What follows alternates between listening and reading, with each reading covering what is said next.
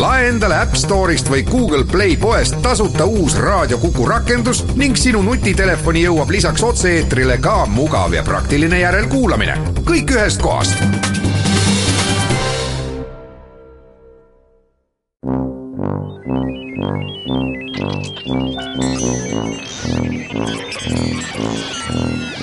vanamehed kolmandalt. Vanamehed aitab kolmandale Eesti Koostöökogu. tere ja head valimispäeva, kallid kuulajad! millest siis veel rääkida, kui ikka valimistest ja valimistest rääkima olen kutsunud kaks külalist, Alo Heinsalu, kes on Vabariigi Valimiskomisjoni esimees, tere Alo! tere! ja Külli Taro, kes on Eesti Koostöökogu programmijuht ja valmistab ette riigi ja kohaliku omavalitsuse halduse reformi, tere Külli! tere! saatejuht Ülle Madise. Kuna valimispäeval on valimisreklaam keelatud, siis me suure hoolega vaatame ette, et üle meie huulte ei lipsaks ühtki heakskiitvat ega pahaks panevat silpi kellegi kohta kandideerijaist, küll aga katsume lahti rääkida valimissüsteemi, nii nagu meil valimispäeval on traditsiooniks saanud ja ja vaadata pisut ajalukku, kuidas on varasemad valimised kulgenud, usun, et nende andmete edastamine ja kommenteerimine endast valimisreklaami ei kujuta,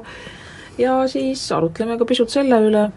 miks peaks üleüldse valimas käima, kas valimisaktiivsusel on mingisugune tähtsus tulemuse legitimeerimise mõttes, kuidas suhtuda arvamusuuringutesse ja nende avaldamisesse enne valimispäeva ja muud sedalaadi arutluskäigud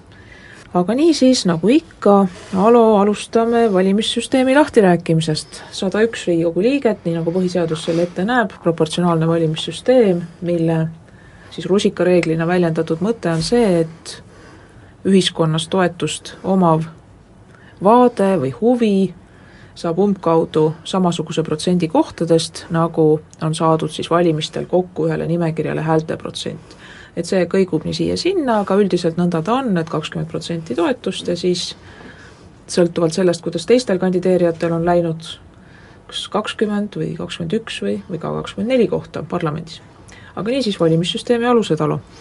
jah, et võib-olla alustaks selle ühe niisuguse kuldreegliga, mida ikka ja jälle tuleks üle korrata, et Eesti valimissüsteem on selline, et igale valija annab igale kandidaadile ühe hääle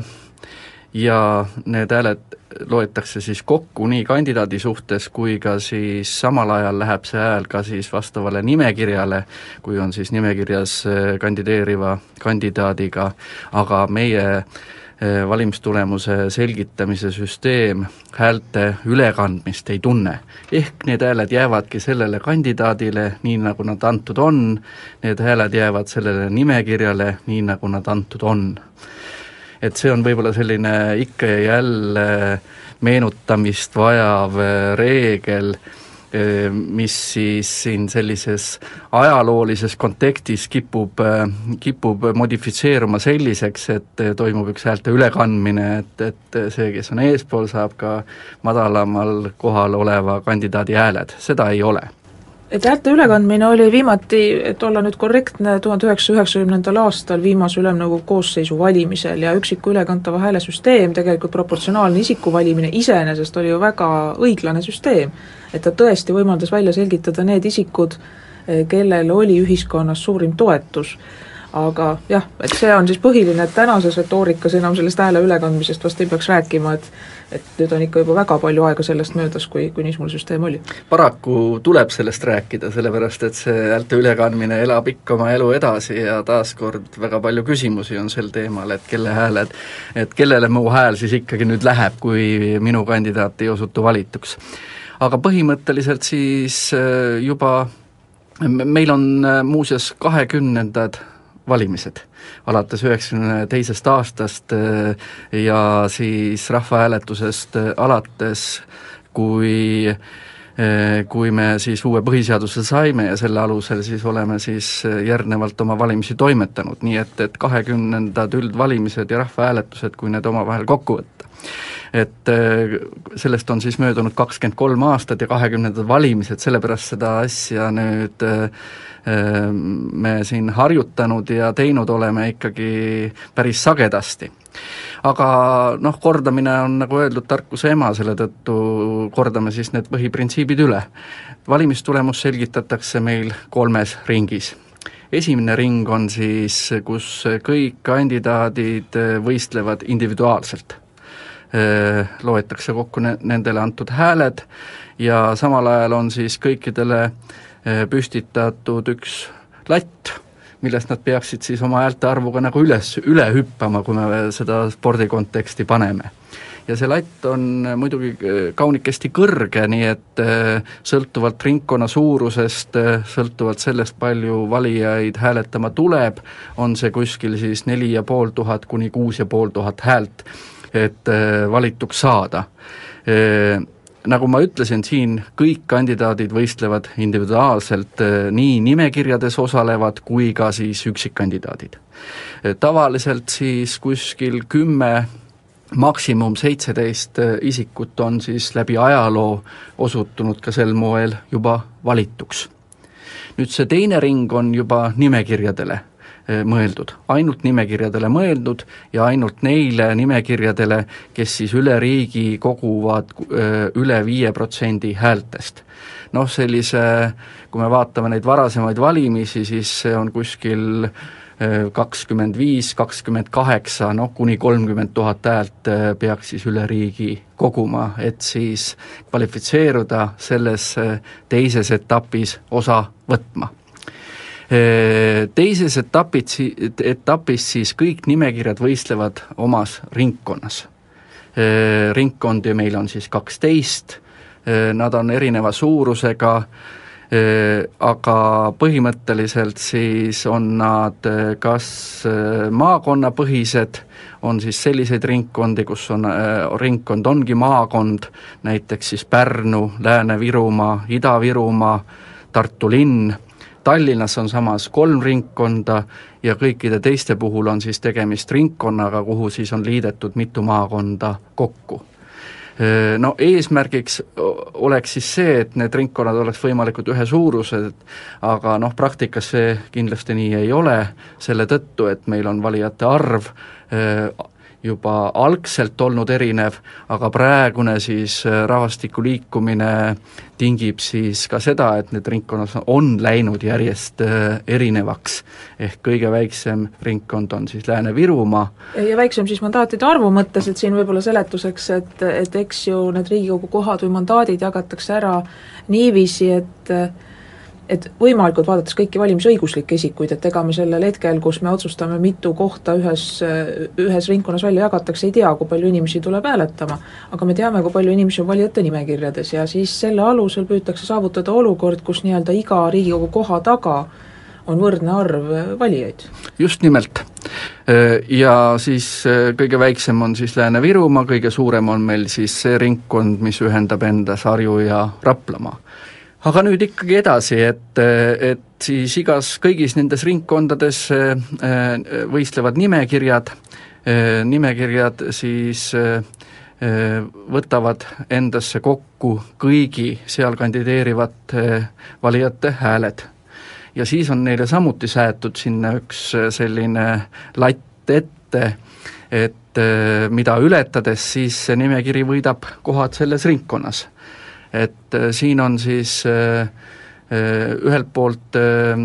mitmekordselt siis seda, seda latti nagu ületatakse, nii palju siis ka kohti saavutatakse. samas on siis seadusandja teinud sellise möönduse, et, et tahtes rohkem ringkonnas mandaate välja jagada, siis on seda piiri natukene ka alandatud, nii et, et et see on siis üks reegel, nimekiri võidab kohad.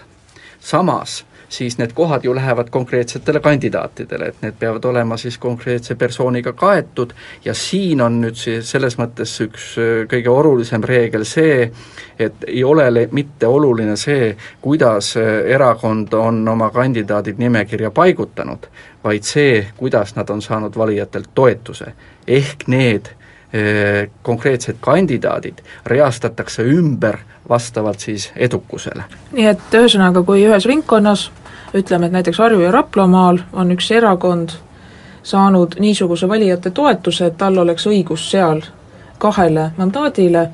et siis see, sellele küsimusele, et kes konkreetselt tema nimekirjast need endale saab, vastamegi nõnda, et, et mitte selles järjekorras, nagu erakond nad alguses üles pani, vaid selles järjekorras, nagu valija otsustas, ehk siis et äh, järjestatakse nimekiri ümber, see, kes sai selle erakonna kandidaatidest ise kõige rohkem hääli, tõuseb selle nimekirja tippu, saab endale ühe mandaadi, see, kes saavutas teise tulemuse, teise, nii et selle tõttu ei ole sugugi mitte ükskõik, et kelle poolt äh, hääl antakse. jah, ja et põhimõtteliselt see nii ongi. siin muidugi tuleb arvestada veel ühte reeglit, et, et äh, nende et toomepuu efekti vältimine. jah, just, et äh, omaaegne see, et äh, kui üks kandidaat oli äärmiselt suure häälte arvuga ja ta võitis siis selles ringkonnas nagu mitu kohta, siis vältimaks seda, et, et et sisse saanuks ka väga väikese arvu häältega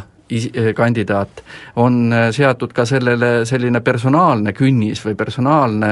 häälte arv, mis vähemalt peab olema kogutud ja siis noh, sõltuvalt jälle ringkonna suuruselt, see on siis kuskil nelisada kuni kuussada häält, mis peab olema vähemalt, et see isik ikkagi ka siis konkreetselt personaalselt selle mandaadi ehk Riigikogu koha kätte saaks. ja sellisel moel jaotataksegi meil kuskil Äh, nüüd kokkuvõttes need isikumandaadid ja siis need nimekirja mandaadid kuskil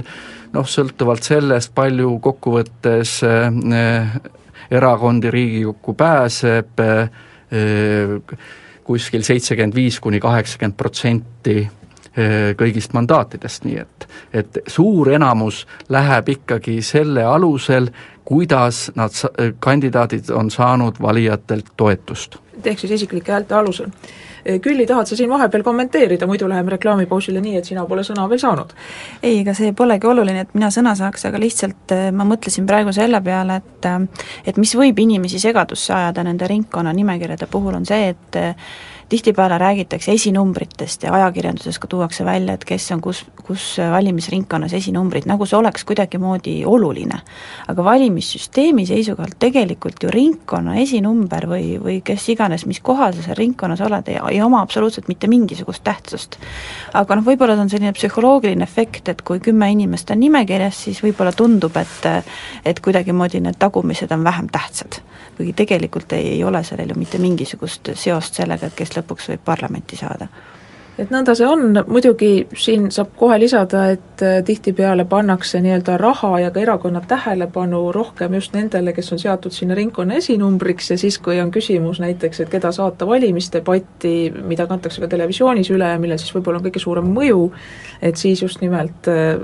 need esimesed äh, sealt saadetaksegi. aga samas see ei ole ainult nii ja neid näiteid me teame küll ja küll, kus ka ütleme, erakond ise teeb maksimumi, et see esikohal olija ringkonnas, selles algses nimekirjas, mida veel ei ole valija häälte järgi ümber järjestatud, et tema just nimelt parlamenti pääseks, aga on läinud ka teisiti, sellepärast et seal tagapool olnud kandidaadid, keda erakond ise ei toeta, on on suutnud niivõrd kõva kampaaniat teha, et on tõusnud tippu. noh, eks need esinumbrid ju omamoodi peaksid olema sellised vedurid, et et et, et inimene tavaliselt ikka hakkab nimekirja lugema eestotsast ja kui ta sealt eestotsast siis leiab kohe endale sobiva nime, siis äkki otsustabki selle nimekirja poolt või selle konkreetse kandidaadi poolt õigemini hääletada. et võib-olla kõik inimesed neid tagumisi nimesid üldse ei jaksagi lugeda.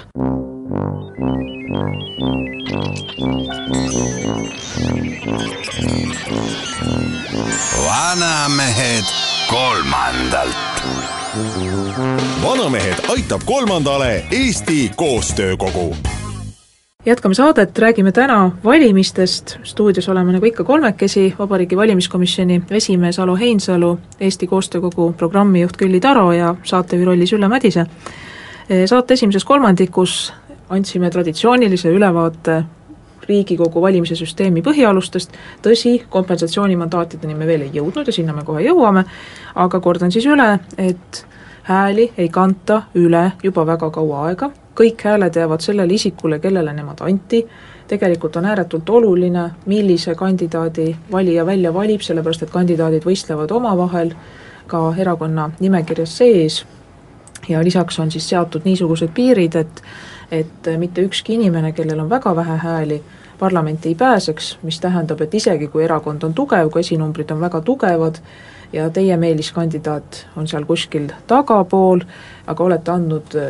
millegipärast just esinumbrile oma hääle, siis võib juhtuda, et tema seda isiklikku künnist ei ületagi ja ta ei saa selle tõttu Riigikokku, et et ei ole kogunud seda mitutsada häält, mida selleks minimaalselt tarvis on. aga niisiis, me jõudsime enne reklaamipausi sinna, kus meil on Riigikogus siis umbkaudu kaheksakümmend kohta juba välja antud, isikumandaatidena ja siis ringkonnast nimekirja mandaatidena, ja nüüd on siis see sabaots jäänud, ehk umbes kakskümmend üks mandaati, mis lähevad üleriigiliste nimekirjade alusel ja siin on jälle ju üks müüt, et, et justkui see siis on, on see kindel koht, kust alati saab sisse ja kust justkui saab väga palju inimesi parlamenti sisse. et, et seleta palun Alo see pool ka lahti jah, see kompensatsioonimandaadid on selles mõttes just äh, mõeldudki sellest, selleks, et äh, nüüd äh, mingis mõttes tasandada ära see äh, ebavõrdsus, äh, ütleme, valijate protsentuaalse toetuse ja Riigikokku saadavate kohtade vahel. no näiteks, et kui mingil erakonnal on, ütleme, üle riigi on, on umbes viis protsenti toetust, aga tal ei ole mitte ühtegi sellist kandidaati, kes võtaks ära isiku mandaadi, ja ta võib-olla ei suudagi ka ringkondades noh, erilist edu saavutada, aga üle hääli tal, üle riigi tal on see toetus olemas. ja põhiseadus ütleb nüüd, et ka tema peaks või selle erakonna, selle mõtteviisi, selle maailmavaate esindajad peaks oma viieliikmelise fraktsiooni Riigikokku ikka saama jah, see et... siis tulebki sealt nii-öelda kompensatsiooni nimekirjast. just, see ongi see põhimõte, et eh, kuidas neid kohti jaotada, noh kui me vaatame eelmise korra järgi, siis kuskil circa kakskümmend mandaati niimoodi jaotamisele läks, kui neli erakonda eh, sai Riigikokku, siis noh, kuskil eh, keskmiselt siis viis liiget igast erakonnast sai siis sellisel moel osutus siis valituks. ja asja mõte siis oli tollel juhtumil, eks ole, tasandada seda olukorda, kus tegelikult isikumandaatidena ja siis noh, ühesõnaga ringkondadest seda üleriigilisele toetusprotsendile vastavat õiglast kohtade protsenti veel välja ei tulnud,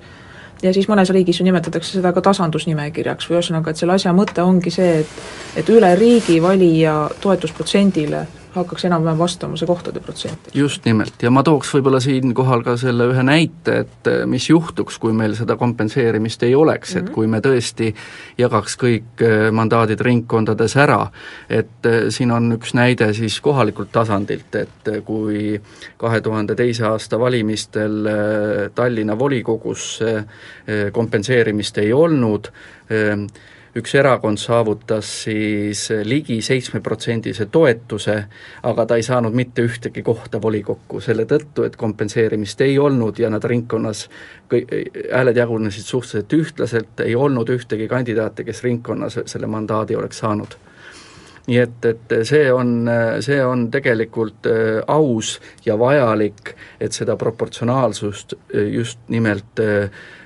valijate toetuse ja Riigikogus esindatuse vahel saada. et valimissüsteemi üheks oluliseks osaks on ka see, et kes üleüldse saab kandidaate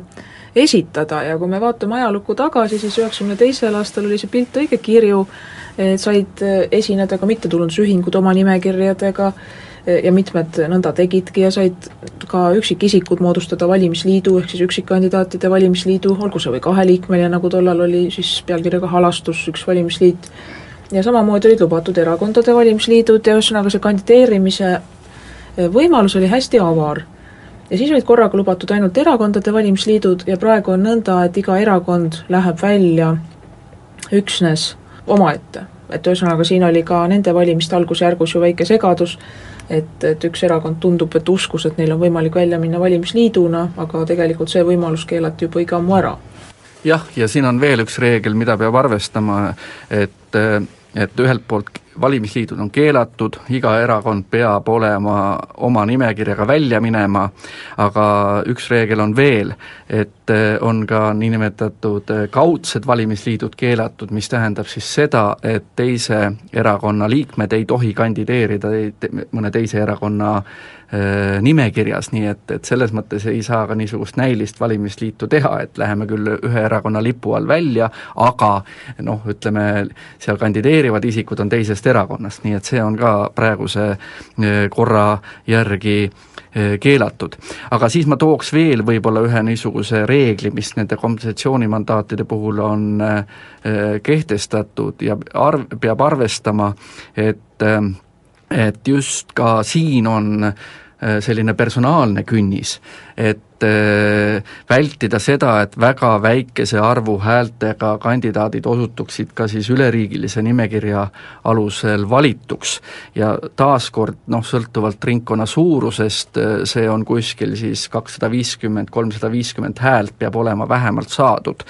et äh, kui me mäletame, et kui seda reeglit veel ei olnud, siis oli praktiliselt kõikidel kordadel tõesti osutuks läbi üleriigilise nimekirja mõni kandidaat, kellel oli üle saja hääle või alla saja hääle. vist oli viiskümmend kaks isegi. viiskümmend üks häält on siis see absoluutne rekord, millega siis äh, kunagi on valituks osutunud. nüüd see tänu sellele reeglile on välistatud ja siin viimastel valimistel noh, ütleme siin on olnud mõned kandidaadid, kellel on circa kolmsada häält, aga minu meelest viimane kord oli ka see lausa kuussada häält, mille, mis oli siis kõige madalam häälte arv, millega Riigikokku pääseti et mis näitab ju ka seda, et on valija tegelikult selle süsteemiga harjunud ja on, on selle väga hästi omaks võtnud, et, et tuleb leida oma meeliskandidaat, see ei pea olema nimekirja number üks, ei pea ringkonna number üks olema, küll. ja ma tuleks korra tagasi selle teema juurde, et kes võib kandideerida, et jah, et ei saa kandideerida juhul, kui sa oled ühe nimekirja, vabandust, ühe erakonna liige, sa ei saa kandideerida teise erakonna nimekirjas,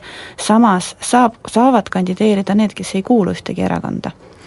ja tegelikult noh, ma ei tea, kas sellist statistikat on olemas, aga aga mulle tundub, et selle korra valimistel on ikkagi päris palju neid, kes ise ei kuulu erakonda, samas nad kandideerivad, ma ei tea, ma ni-, ma nimetaks neid selliseks siis toetajakandidaatideks. ja on ka palju neid, kes on tegelikult välja öelnud, et nad ei kavatse tegelikult Riigikokku minna, juhul kui nad osutuvad valituks, aga nad soovivad lihtsalt seda erakonda toetada. nii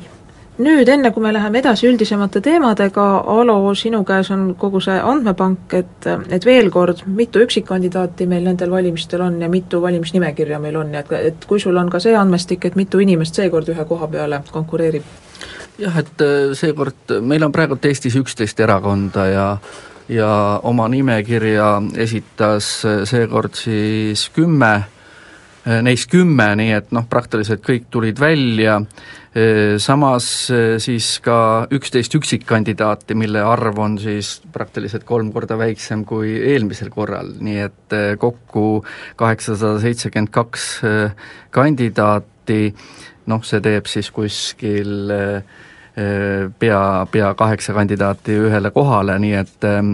et noh, konkurents on selline tavapärane, et, et sellise kaheksasada 800 kaheksasaja ringis viimastel valimistel see on olnud, eh, kui me nüüd ajalukku vaatame tagasi, siis en-, eh, see on ka oma, siin on ka oma üks reegel kehtestatud, et eh, meil üheksakümne üheksandal aastal oli praktiliselt tuhat üheksasada kandidaati, sellepärast koma seitse kohale. nii et, et ei ole, ei olnud nagu ühtegi piirangut äh,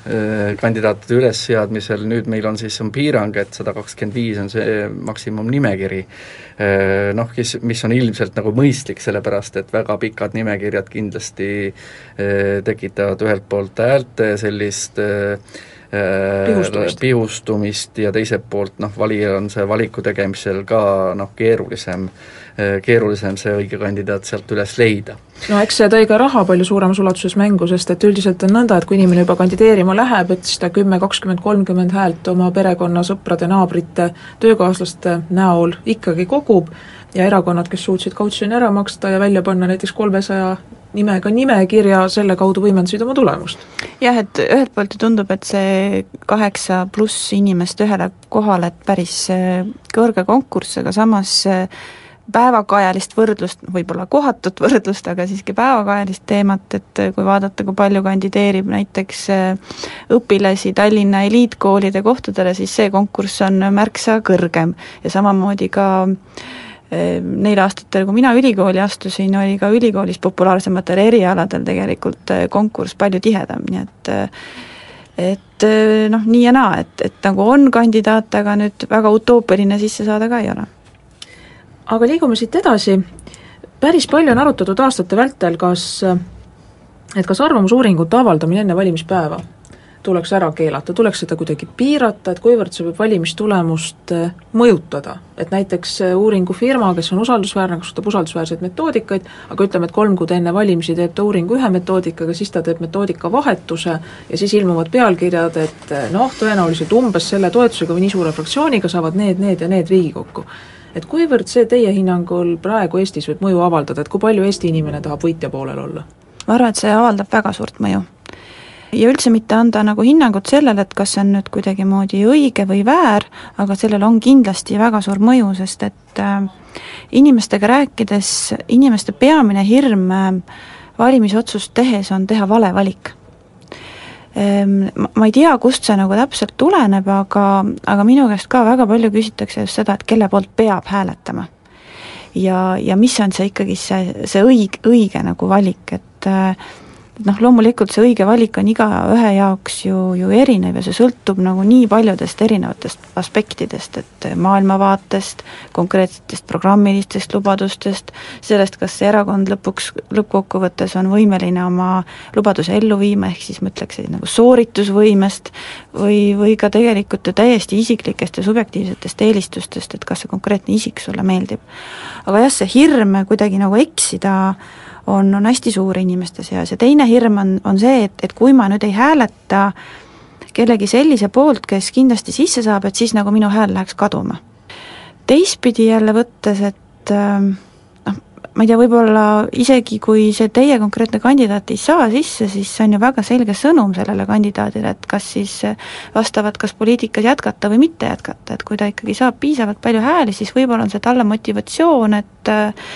et, et siiski jätkata seda tegevust ja võib-olla noh, kui ta siiani ei ole väga oma kampaaniasse panustanud, siis, siis võib-olla järgmine kord panustada, et aga kaduma ju hääl tegelikult ei lähe ei no õnneks meie süsteemis ei lähe midagi kaduma, et Vabariigi Valimiskomisjoni esimees ja, ja kogu valimiskomisjon hoiab sellele karmilt äh, pilgu peal ja noh, ega Eestis ole sedagi võimalust, mis mõnes riigis, kus näiteks posti teel hääletamist kasutatakse sel viisil, et täidad kodus sedeli ära, viskad postkasti, et ei, ma ei mõelnud seda nüüd, et teangi, et hääl kaduma läheb, vaid et, et minu valitu ei saa, ei, minu valitu ei, ei saa Riigikogusse, et see hirm on hästi suur inimestel. jaa, ei ma täitsa mõistan, viisin lihtsalt jutu teise kohta, Alo. jah, et ma võib-olla ka tooks sedasama välja, et, et meil on siin sellises äh, kõnepruugis, mis nüüd äh, valimisi ja üldse poliitikat nagu äh, kajastab, tõesti see mõiste kaotsi läinud hääl saanud nagu sellise natukene halvustava mõju, et ja, ja läbi selle, läbi selle ka see, et noh, et kui me toome siin nagu paralleeli kas või spordimaailmaga, et, et kõik ju ei võida ja tihti saavutavad ka sportlased sellise tulemuse, et noh, mis tõesti, mis tõesti noh, ütleme, ei ole, ei ole kõige parem või, või jätab nad sinna kuhugi paremusjärjestuse ta-, tagumisse otsa, aga me ei räägi ju siis, et see kuidagi, kuidagi see sooritus läks kaotsi, et, et ta lihtsalt sai nõrga tulemuse ja see ongi kõik, tema, tema numbrid, sentimeetrid, punktid jäävad ju ikkagi talle. et, et selles mõttes mu, minu, minu hinnangul ka, et, et see kaotsi kaotsi läinud hääle, hääl on saanud justkui sellise mõju ja ikkagi eh, noh, võib-olla nagu sunnib siis eh, selliseid eh, vaatama edukamate poole, noh, kes, kes ka nagu figureerivad rohkem, aga minu meelest valimised on ka selles mõttes üks võistlus, kus on võitjad ja kaotajad ja ega need kaotajad ongi need sel korral, kes nõrgema tulemuse saavad, aga, aga ega nende hääled siis sellepärast kaotsi kuhugi ei lähe, ajaloo annaalides jäävad nad täpselt sellisena, nagu nad antud on, ikkagi alles. ja pealegi õnneks me Eestis ju ei tea valimistulemust ette, vastupidiselt sellele, mida väga sageli väidetakse, et oh, sisuliselt meil on juba ette teada, siis ka Eesti valimiste ajalugu näitab selgelt seda, et tegelikult toetused muutuvad, koalitsioonid muutuvad, kord on parlamendis neli erakonda, aga siis on seitse, kord on ühel erakonnal kuueliikmeline fraktsioon, aga siis on juba kakskümmend, üle kahekümne, nii et tegelikult noh, ette vist on üsna raske ennustada, et et, et kas, kas nüüd üks või teine kandidaat või erakond siis äh, Eh, parlamenti pääseb, et noh, tõesti üsna kindlalt võib tõenäoliselt ennustada kuskil kakskümmend inimest, kes pääsevad ja kindlasti ka erakonnad, kes kindlasti pääsevad, aga kes veel, seda me ei tea. aga järgmine küsimus on see, et miks nii sageli tulemusega rahul ei olda, sa Külli rääkisid mm, konkureeriva kanali ehk siis äh, Rahvusringhäälingu saates Vasar, mis minu meelest oli, oli hea saade, äh, sellest, et et kuidas sa vaidlesid inimesega teemal, et kas Eestis on demokraatia kriis ja kui sinust õigesti aru sain, siis inimese jaoks demokraatia kriis tihtipeale väljendub selles, et äh, valitsust ei moodusta erakond või poliitikud, keda tema isiklikult toetab, et ei aeta seda poliitikat, mis talle isiklikult meeldib, et justkui ignoreerides seda, et ongi võistlus ja noh, et võistlus võib isegi aus olla ja ka ausas võistluses võib juhtuda, et minu vaade kahjuks ei võida. Jah, et see natuke seostub meie eelmise jututeemaga, et ähm, et see, kui keegi teine arvab teistmoodi või, või keegi teine hääletab kuidagi teistmoodi, et see ongi täiesti normaalne olukord demokraatias. et inimesed ei peaks muretsema, et, ähm, et naaber hääletas kellegi teise poolt ja mina hääletan nüüd kellegi teise poolt, et see on, see on täiesti normaalne olukord. aga kuidas nüüd leppida sellega, et äh, et sa andsid oma hääle, olid veendunud, et see on õige maailmavaade, just nii peavad asjad Eestis käima ja siis halvemal juhul see erakond ei ületa tervikuna valimiskünnistki ja mitte ükski selle erakonna kandidaat ei kogu ka isiklikult sellist toetust, et parlamenti pääseda. et kus see koer maetud on, kas see on nagu kodanikuõpetuse küsimus või, või loogika küsimus, väga tihti just need inimesed ütlevad, et nojah, nojah, õigesti ju asju ei aeta noh, selles mõttes ega äh, ühed, ühed reeglid peavad ühelt poolt olema ja noh, ütleme, et reeglid peavad silme ees olema, aga noh, teisest küljest on nagu ka see, et ega me peame arvestama kindlasti äh, sellega, et äh, noh, see parlament, mis siis nagu valitakse, noh, ütleme teatud reeglite järgi, noh, sellel peab olema ka teatud nagu töövõime, et, et, et et selle, selle tõttu need, need künnised ja latid ongi seatud, et, et tagada ka töövõime, et, et noh, nagu me teame, et, et noh, väga väikestel kooslustel Riigikogus on suhteliselt keeruline toimetada, arvestades ka seda töö, Riigikogu töökorraldust, kus, kus noh, see elu ei toimu seal ainult täissaalis või täiskogul saalis, vaid ka toimub nagu muudes ühendustes ja ja kui seal on ikkagi ainult üks-kaks esindajat, siis sellel noh, leida, leida see võimalus igal pool kaasa lüüa on ikkagi vägagi minimaalne, noh see on üks selline hästi ratsionaalne argument, et, et ühelt poolt me tõesti valime, Äh, need maailmavaated, mis on ikkagi edukamad, saavad esindatud, tei-, ühed te-, teatud äh, peavad välja jääma, et, et see on ikkagi demokraatia tunnus, et noh, meil on isegi praegult üksteist erakonda, noh ütleme siin algusaastatel me rääkisime nel-, suurusjärk neljakümnest ja, ja noh, siis ta vähenes ühel hetkel kahekümne peale, et äh, noh, kõik, kõik ikkagi marjamaale ei pääse, et see on paratamatus.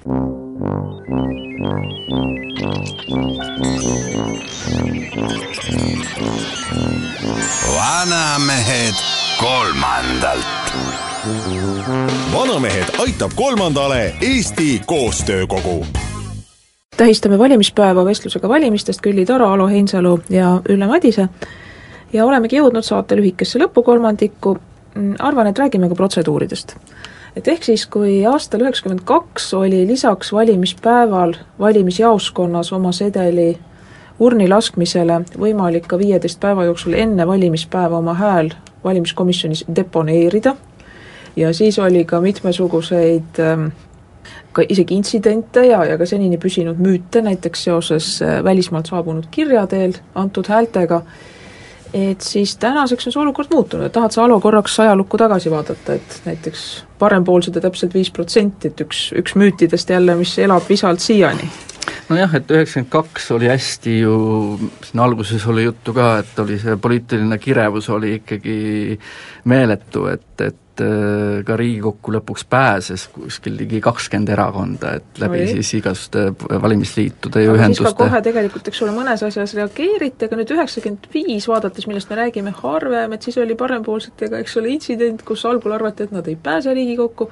ja siis siiamaani väidetakse, et kuskilt tulid mingid hääled ja nii nad said täpselt viis protsenti ja saidki viieliikmelise fraktsiooni. jah, see on ju saanud ka sellises žargoonis äh, nimetuse Arge-, Argentiina pudelipost, et äh, Just. millega siis nagu tuli, et no selle eripära tookord oli nii, et meil toimus äh, ka välismaal hääletamine samal ajal kui siis siin hääletamine kodumaal ja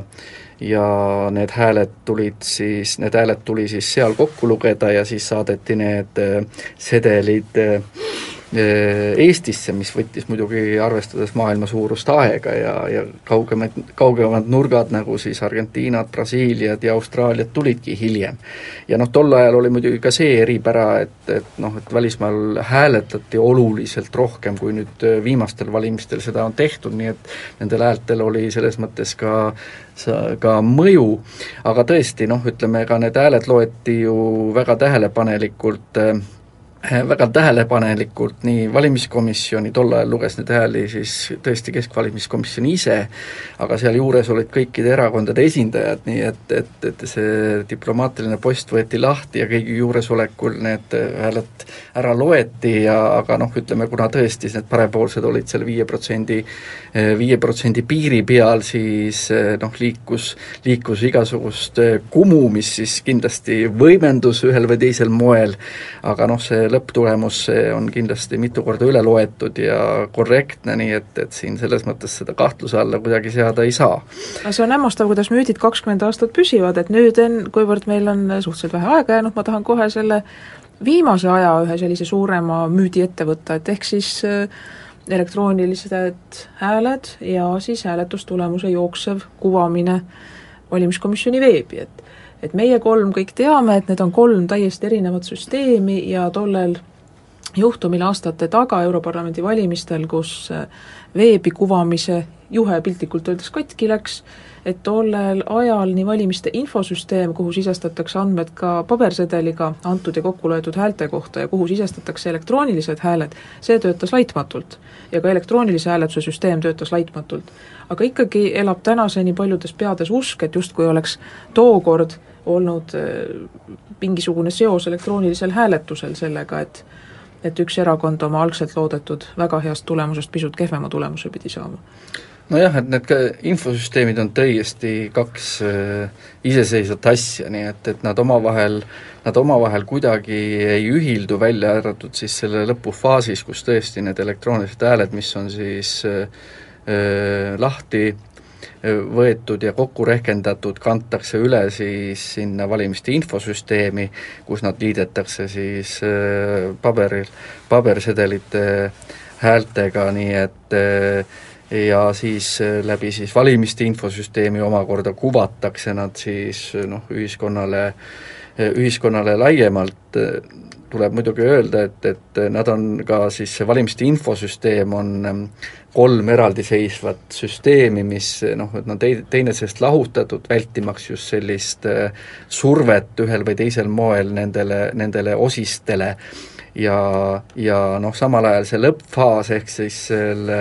kui juba tulemused on sisse kantud, hääled on sisse kantud, tulemus on rehkendatud ja siis see kõige viimane faas ehk siis kuvamine, see toimub ju samaaegselt eh, nii valimiskomisjonile endale kui ka kõikidele teistele infokanalitele, kes selleks on nagu soovi avaldanud, nii et üks ja sama, üks ja sama tulemus tuleb mitmele poole, noh mis nagu väldib ka seda, et, et kuskile, kuskil keegi midagi oleks saanudki teoreetiliselt teha, mida noh, aga, ja need on kõik äärmiselt et eh, noh, ütleme, need on turvatud ja, ja eh, nii inimfaktori kui tehnilise faktori po-, poolt, nii et ega siin mingit eh, selles mõttes on taas võib-olla neid jutte ja, ja eeldusi rohkem, kui pra-, praktiliselt on need asjad ikkagi kõik väga lõb-, läbimõeldud. Et endise valimiskomisjoni liikmena saan vaid kinnitada seda, et, et elektrooniline hääletus on auditeeritud, testitud äh, vaadeldud selles ulatuses, mis ta on vaadeldav, aga seda inimsilmaga vaatlemist asendab rahvusvahelise sertifikaadiga infotehnoloogia audiitorite kohalolek, nii et et ähm,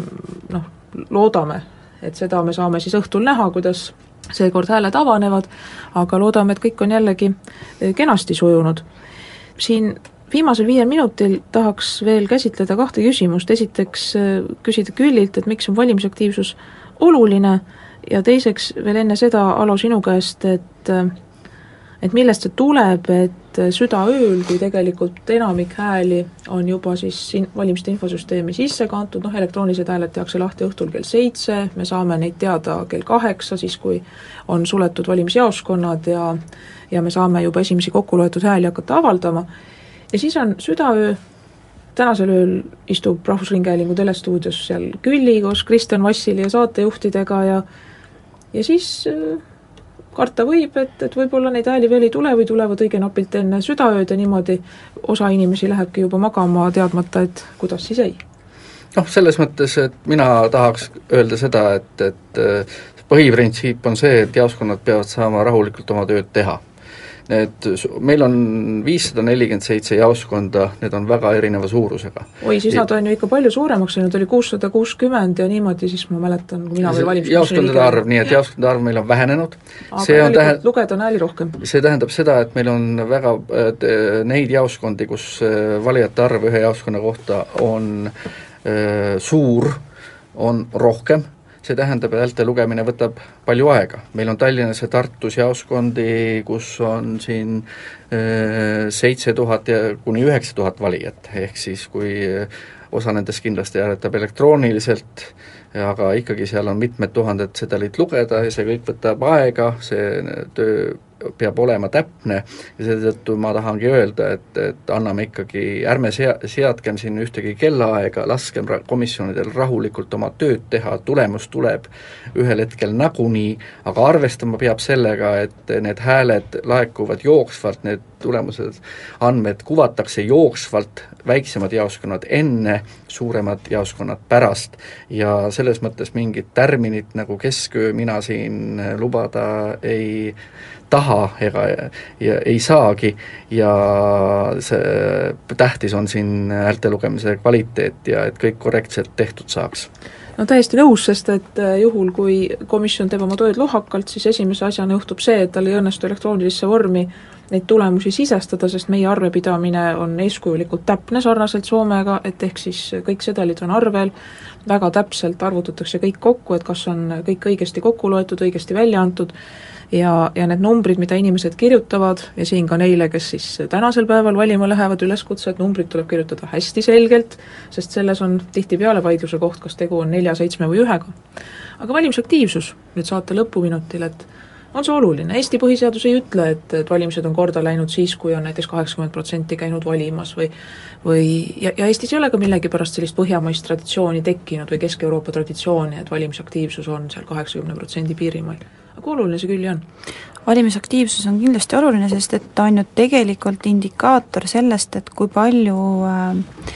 inimesed hoiavad ennast kursis ühiskonnaeluga ja kui palju üldse riik neid huvitab. Ja nagu ka sel äh, nädalal Vabariigi President oma aastapäeva kõnes väga kenasti ütles, et äh, et tegelikult ei ole mitte miski ette määratud, et kõik on meie enda kätes. ja, ja valimisaktiivsus näitabki üldjoontes seda, et, et et eh, kas inimesed on nagu valmis seda, seda vastutust ja kohustust võtma ja seda tarka otsust tegema, et vastupidiselt neile, kes ütlevad, et et nad kuidagimoodi protestivad sellega, et nad ei lähe valima, siis mina ütleks, et see ei ole väga tark protestimeetod. Ja, ja noh, kui rääkida poliitikutega, siis ähm, siin on isegi läbi käinud ju seda ideed, et äkki peaks valimised kohustuslikuks tegema, et sellisel juhul äh, inimesed äh, Äh, ehk äh, aktiivsemalt hoiaksid ennast poliitilise eluga kursis, et nimelt on poliitikutel mure, et, et inimesed ei soovi nendega rääkida ühiskonnaelu teemadel. Noh, mina muidugi kardan, et see olukorda kindlasti ei paranda, sest et kui midagi tehakse kohustuslikuks, siis see tihtipeale muutub sinu jaoks ebameeldivaks. aga ühiskonnaelus kaasarääkimine peaks ikkagi meeldiv tegevus olema. ja siin paneme täna punkti, suur aitäh, Külli Taro ja Alo Heinsalu saatesse tulemast, aitäh kõigile kuulajatele, veel kord rõõmsat ja põnevat valimispäeva ja kuulmiseni!